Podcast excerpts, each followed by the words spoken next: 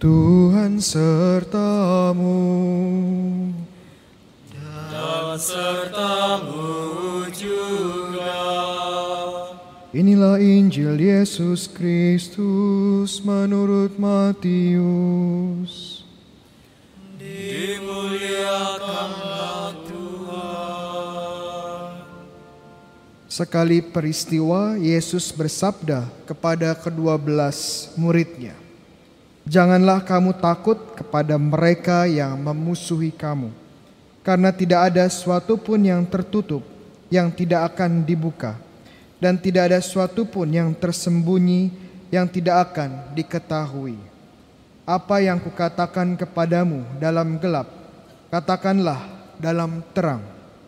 Dan apa yang dibisikkan ke telingamu, beritakanlah dari atas atap rumah. Dan janganlah kamu takut kepada mereka yang hanya dapat membunuh tubuh, tetapi yang tidak berkuasa membunuh jiwa. Tapi takutlah dia yang berkuasa membinasakan baik jiwa maupun tubuh di dalam neraka. Bukankah burung pipit dijual seduit dua ekor? Namun tak seekor pun daripadanya akan jatuh ke bumi di luar kehendak Bapakku. Dan kamu rambut kepalamu pun semuanya telah terhitung. Sebab itu janganlah kamu takut, karena kamu lebih berharga daripada banyak burung pipit. Setiap orang yang mengetahui aku di depan manusia, dan akan kuakui di depan Bapakku yang di surga. Tetapi barang siapa menyangkal aku di depan manusia, dia akan kusangkal juga di depan Bapakku yang di surga. Demikianlah Injil Tuhan. Terpujilah Kristus.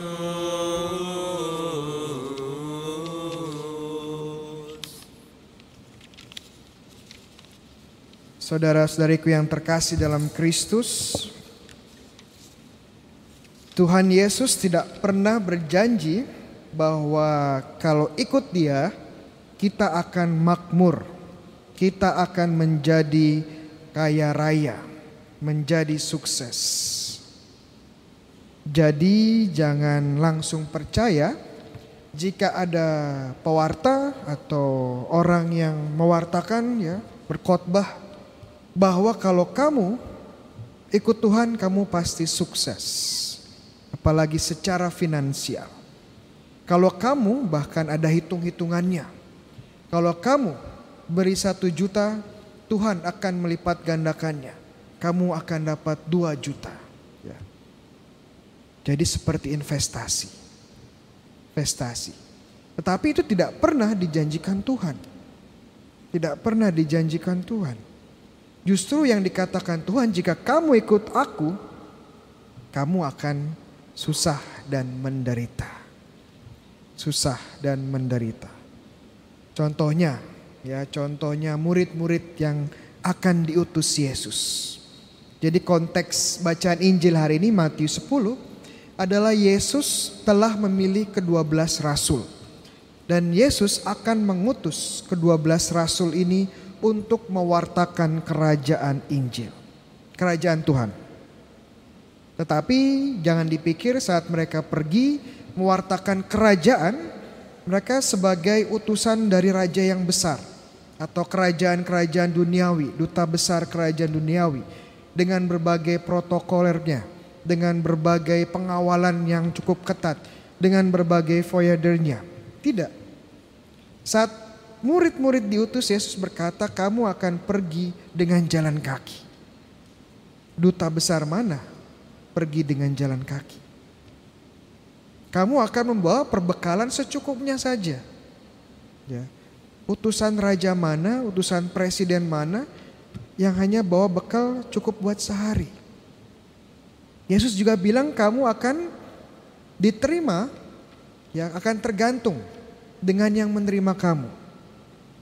Dan yang paling buruk adalah kamu juga akan menerima penolakan. Menerima penolakan. Dan tentunya mendengarkan hal-hal ini dari Yesus, siapa sih yang gak takut? Siapa yang tak gentar 12 murid ini pun tentunya merasakan ketakutan. Tetapi Yesus bilang sederhana saja bahwa utusan ya perutusan yang Matius 10 ini sebenarnya hanya semacam magang ya. Magang. Ini hanya pelatihan, training. Kenapa? Karena perutusan yang sesungguhnya nanti ya dan lebih susah lagi, lebih berat lagi. Kalau sekarang mereka hanya mewartakan kerajaan Tuhan sudah datang, sudah dekat.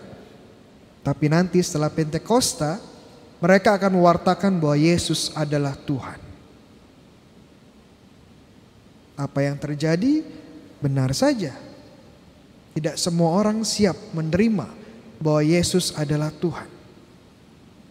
Dan nasib para rasul ya nasib para murid Yesus tidak jauh berbeda dengan gurunya. Kalau gurunya dihujat, kalau gurunya disiksa, kalau gurunya disalib, ya murid-muridnya juga nggak jauh beda nasibnya dengan gurunya. Dan sungguh ini apa yang dialami oleh para rasul. Coba dari 12 rasul yang mati secara alami, secara alami ya, yang mati tidak di, menjadi martir ada berapa orang? Dari 12. Hanya ada satu ya yang tidak jadi martir. Siapa ada yang tahu? Iya, betul. Rata Yohanes ya, Yohanes. Yohanes murid kesayangan Yesus. Tapi yang lain jadi martir. Mati, dibunuh karena iman. Contoh siapa? Petrus. Diapakan? Petrus diapakan? Rater diapakan? Disalib, ya. Disalib terbalik ya. Kalau Yakobus, saudaranya Yohanes, diapakan? Frater? Dipenggal ya, dipenggal. Kalau Yakobus Alfeus Iya, menurut tradisi dia dilempari batu ya sampai mati. Jadi kalau mau ikut Yesus, ya nasibnya nggak beda jauh dengan Yesus. Kita harus siap menderita. Kita pun harus siap. Ya, hidupnya susah mengikuti Yesus. Ini yang dikatakan Yesus. Katakan Yesus. Tetapi ya, ada kabar baiknya. Kabar baiknya apa? Tuhan Yesus bilang, ya kamu akan susah, ya kamu akan menderita. Mungkin kamu akan dibenci, disiksa orang. Tapi jangan takut. Nah itu dia. Jangan takut. Sebenarnya merasakan takut itu satu yang manusiawi. Ada yang takut dengan ular ya orang orang ular. Teman saya dari Papua kalau lihat ular lari ya. Tapi kalau teman saya dari Kalimantan lihat ular senang sekali ya. Kenapa bisa disate katanya. Ya bisa disate. Makanya Adam dan Hawa itu tidak lahir di Kalimantan ya. Tapi di Israel ya karena tidak bisa digoda ular kalau nanti jatuhnya orang Kalimantan ya sedikit uh, sedikit bercanda ya. ya. Nah, ini kita harus lihat ya bahwa tidak perlu takut. Kenapa? Karena alasannya sederhana saja. Alasannya sederhana. Kenapa? Karena toh semuanya akan mati. Siapa yang gak akan mati? Boleh angkat tangan yang gak akan mati. Semua akan mati. Sekarang pilihannya hanya dua. Mau mati karena Kristus atau mau mati atau mati lari dari Kristus. Pilihannya dua saja Semua pasti mati. Saya, frater-frater di sini, bapak ibu di rumah, semua akan mati. Pilihannya tinggal dua. Mati demi Kristus atau mati lari dari Kristus. Dan Yesus bilang di Matius ya tadi di akhir barang siapa ya mengakui aku di depan manusia, aku pun akan mengakui dia di depan Bapakku di surga. Barang siapa menyangkal aku, aku pun akan menyangkal dia di depan Bapa. Jadi pilihannya hanya dua ya. Pilihannya hanya dua. Jadi jangan takut deh. Mati pasti. Jadi tinggal pilih aja mau ke mana matinya. Itu pilihannya. Tetapi kabar yang lebih baik adalah ada yang kebenaran yang jauh lebih mendalam. Apa supaya kita tidak takut? Tuhan Yesus menerangkan bahwa kita memiliki Allah. Memiliki Tuhan Allah yang adalah Bapa yang sangat mengasihi dan sangat peduli. Dan Tuhan pun menjelaskan dengan sangat Tuhan Yesus menjelaskan dengan sangat baik saat dia memberi contoh sebuah oh sebuah. Seekor ya seekor burung pipit ya. Pernah lihat burung pipit? Ya, atau nama lainnya burung gereja. Ya ini burung kecil ya. Nanti kalau belum pernah lihat bisa di Google ya burung pipit seperti apa ya. Nah burung pipit ini di mata manusia tidak begitu berharga tidak ada harganya. Kalau teman-teman pergi ke pasar yang jualan burung, pasar hewan, pasar burung, ya. Kalau ada yang jual burung pipit, ya, harganya pun hanya berapa, ya. Dibandingkan jenis-jenis burung yang lain, ya burung pipit nggak ada harganya. Tidak berharga di mata manusia. Tetapi bagi Tuhan, di mata Tuhan, burung pipit yang kecil ini pun berharga. Kenapa? Karena burung pipit ini, burung gereja diciptakan Tuhan juga. Dan kalau Tuhan menciptakan sesuatu, pasti baik dong. Karena Tuhan itu baik. Setiap ciptaannya adalah refleksi kebaikannya. Dan karena Tuhan menciptakan sesuatu, pasti punya tujuan. Tuhan pun punya rencana yang baik buat burung pipit ini. Setiap burung pipit yang kecil Tuhan punya rencana yang baik. Apalagi kita. Jauh lebih berharga dari burung pipit. Jauh lebih berharga dari segala binatang dan tumbuhan. Kalau burung pipit Tuhan jaga dan peduli, apalagi kita. Ya, ini kabar baik yang luar biasa. Makanya Tuhan Yesus sampai bilang ya Tuhan itu mengenal kita jauh lebih baik daripada kita mengenal diri kita sendiri. Bahkan Tuhan sudah tahu, sudah pernah menghitung. Menghitung apa? Jumlah rambut. Rater di sini pernah hitung jumlah rambut belum? Iya. Belum kan? Yang tahu rambutnya habis tiba-tiba ya. Tapi dihitung nggak pernah. Tahu aja berapa nggak tahu ya. Tapi Tuhan tahu berapa rumah jumlah rambut kita. Kalau mau bahasa kerennya Tuhan tahu ya berapa jumlah sel tubuh kita. Tuhan tahu apa yang terjadi di dalam sel tubuh kita. Tuhan tahu jumlah atom di tubuh kita. Dan tidak hanya tahu, Tuhan pun ya peduli menjaga setiap bagian dari tubuh kita, menjaga hidup kita. Ya. Dikatakan juga oleh Tuhan bahwa burung pipit atau burung gereja ini tidak akan pernah jatuh tanpa sepengetahuan dan sekehendak Allah. Dan begitu juga kita. Kalau ada hal buruk yang terjadi dalam hidup kita karena mengikuti Kristus, ada hal yang tidak enak, ya, tidak baik terjadi pada kita, ini pun masuk dalam penyelenggaraannya. Karena Tuhan peduli. Ya betul sering kali kita bingung ya. Seringkali kita tidak mengerti. Romo sering kali bertanya kenapa saudara saya, kenapa sahabat saya harus meninggal. Masih muda, masih berkarya. Romo kenapa anak saya yang saya kasihi harus pergi dari saya? Romo kenapa saya harus sakit seperti ini? Romo kenapa usaha saya gagal? Padahal saya sudah memberikan memberikan sebagian buat gereja, buat Tuhan. Romo kenapa seperti ini?